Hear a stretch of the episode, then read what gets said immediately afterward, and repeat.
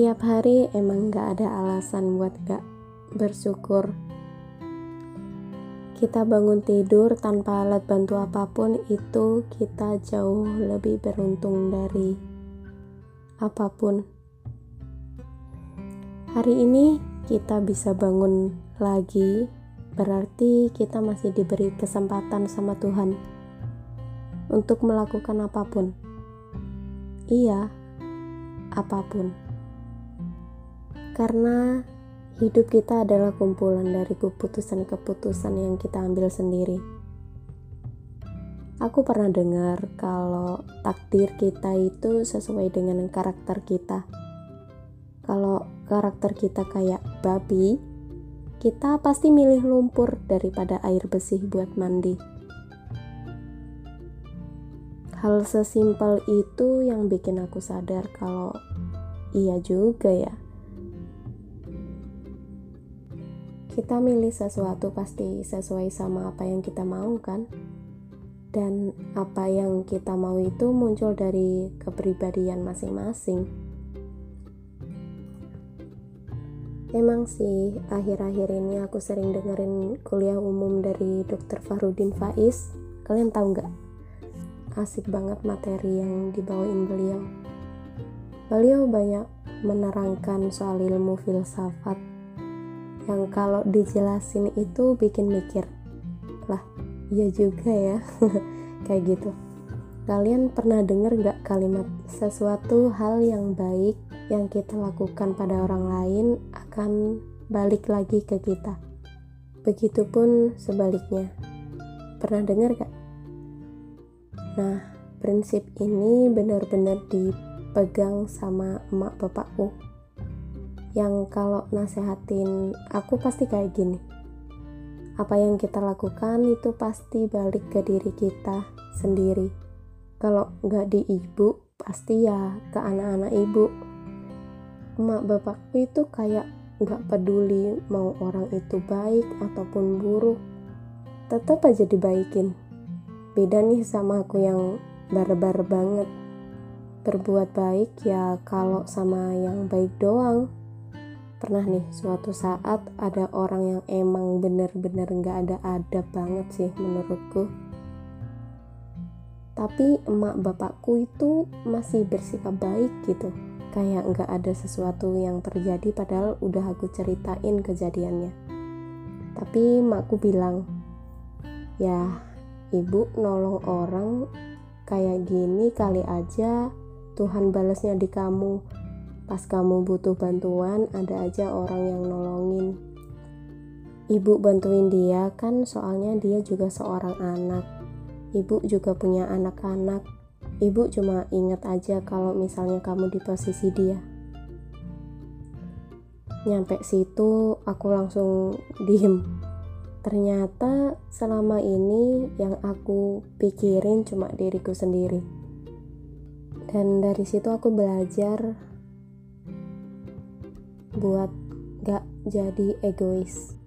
Padahal karakter asliku itu orangnya keras kepala banget sama egois parah sih. Bisa dibayangin kan gimana struggle-nya aku ngelawan sifatku yang udah ada dari kecil itu. Ya mungkin satu dua kali kelepasan lah sifat egois itu muncul.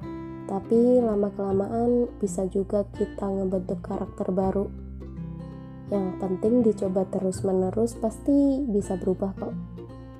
Emang sih butuh waktu, tapi kalau kita konsisten pasti ngerasain sendiri deh hasilnya kayak apa. Nah, masih nyambung sama hal baik yang kita lakukan untuk orang lain pasti balik lagi ke kita sendiri. Itu aku percaya banget.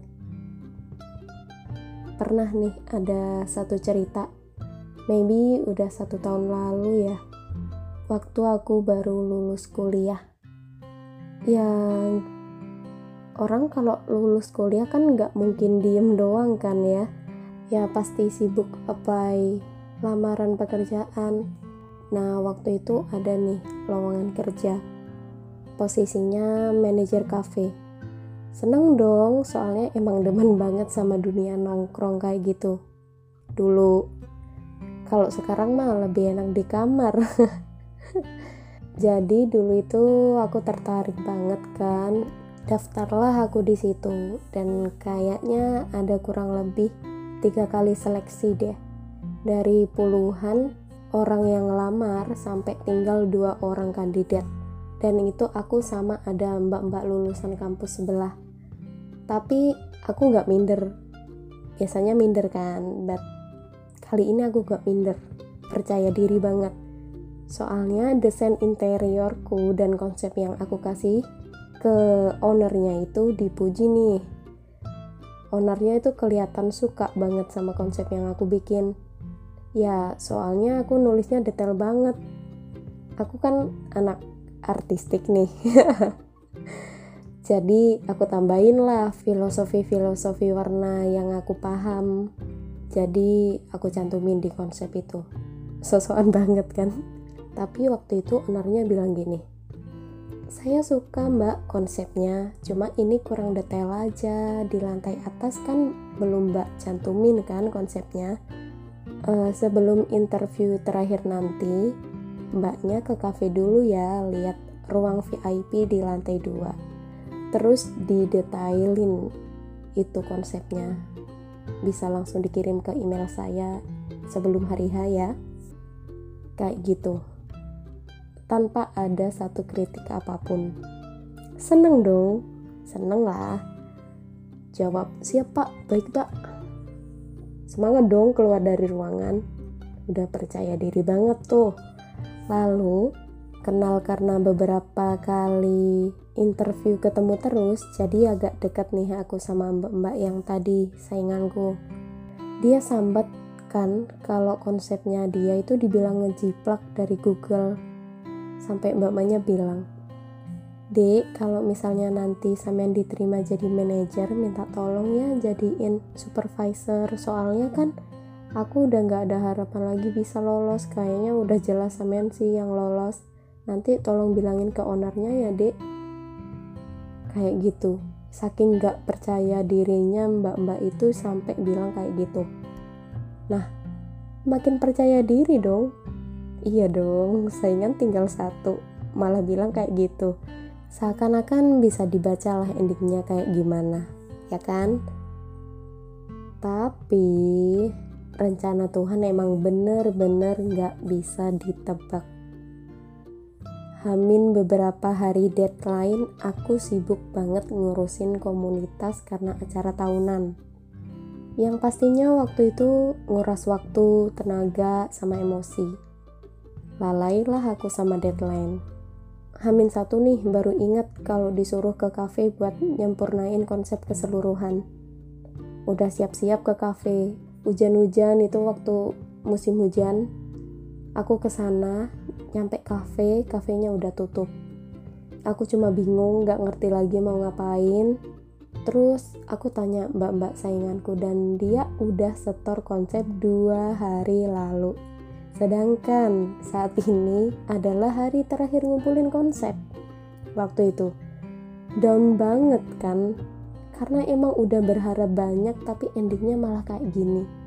Yang bikin aku makin gak terima karena aku belum setor konsep jadi kayak perang tapi aku belum berjuang malah mati duluan kayak gitu kekalahan mungkin akan mudah diterima kalau aku udah setor konsep ya. Jadi bisa mikir, oh memang kemampuan gue cuma segini sih, jadi ya udahlah kayak gitu. Enak, masih bisa diterima. Lah ini kalian pasti bisa bayangin lah jengkelnya kayak gimana. Siapa yang aku salahin? Keadaan lah. Kumat lagi nih sifat egoisku. Jadi mikir kayak gini. Coba aja gue mentingin kepentingan gue sendiri. Gak bakal jadi kayak gini. Gue emang terlalu banyak mikirin orang. Nasib gue sendiri jadi terbengkalai kayak gini. Waktu itu marah banget sama diri sendiri ditambah lagi setelah interview manajer tadi aku terus apply kan lamaran ke yang lain. Dan yang bikin meratapi nasib itu gak ada satupun yang dipanggil. Adapun kerjaan tapi nggak sepadan banget sama effort yang aku keluarin. meski waktu itu udah sibuk jadi guru les private sih cuma ngarepin gaji dari ngajar itu kayak dosa banget gak sih kayak harusnya aku tuh ngajar ikhlas bukan ngarepin duit kayak gitu. Dulu aku mikirnya kayak gitu sih. Terus nih ceritanya. Desember itu kan aku wisuda terus sebulan itu juga aku sibuk daftar jadi manajer dengan beberapa kali tahapan tadi kan.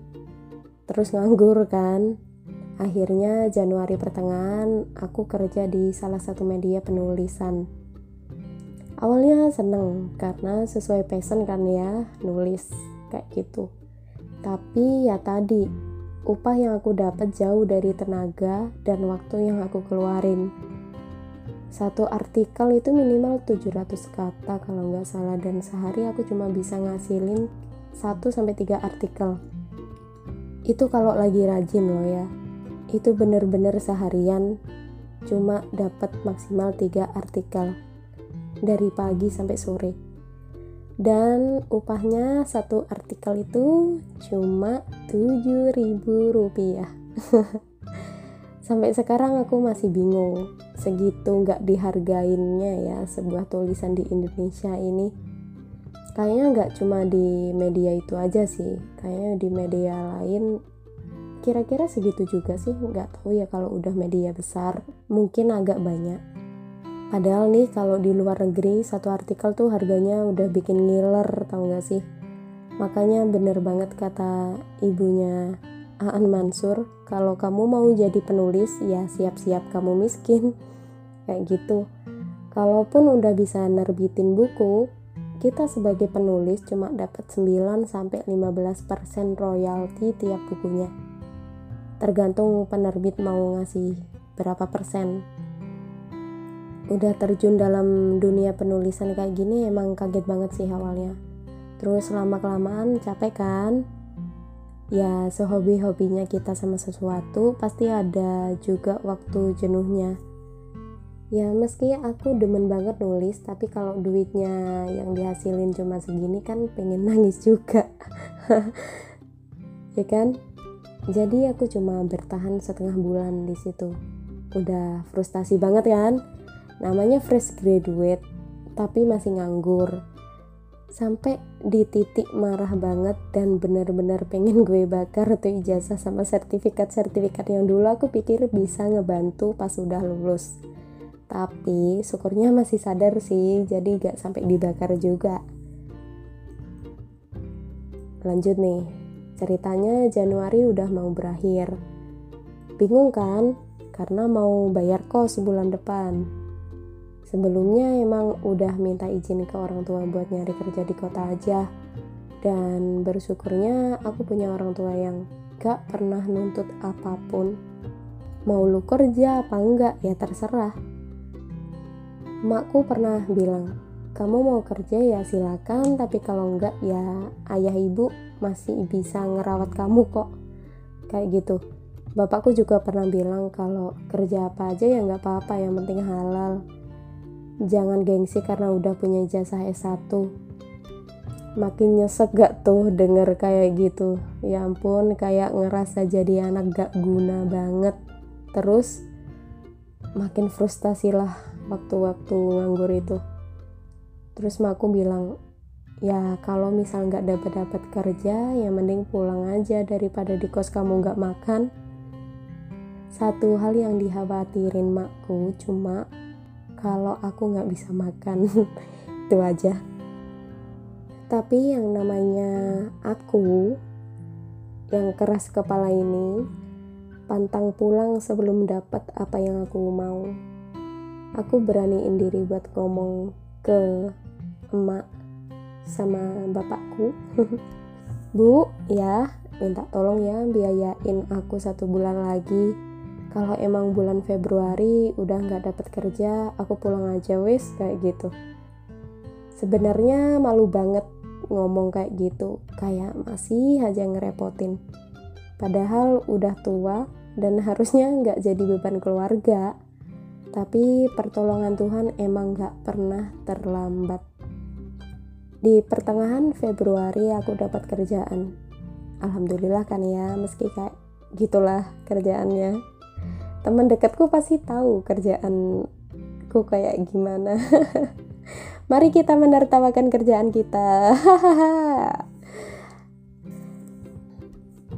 Terus setelah cerita panjang tadi aku belajar mencoba untuk menerima keadaan dan let it flow aja lah. Kita pasti punya keinginan, tapi balik lagi Tuhan yang punya kekuasaan. Kita cuma disuruh buat berusaha, hasil akhir apa kata Tuhan, ya kan? Setelah mencoba berdamai sama diri sendiri, mbak-mbak sainganku tadi ngehubungin aku lagi buat narik aku jadi admin di kafenya. Terus aku bilang kan, karena udah kerja, iseng-iseng lah aku tanya, gimana mbak kerjaannya? Nah, di situ keluarlah keluh kesah mbaknya. Ya ampun deh, di sini kan terhitung dua bulan. Tapi aku sama sekali nggak dapat gaji. Kaget dong gue. Loh kok bisa mbak? Iya dek, soalnya kan kafenya masih belum grand opening, masih nyari kasir sama baristanya.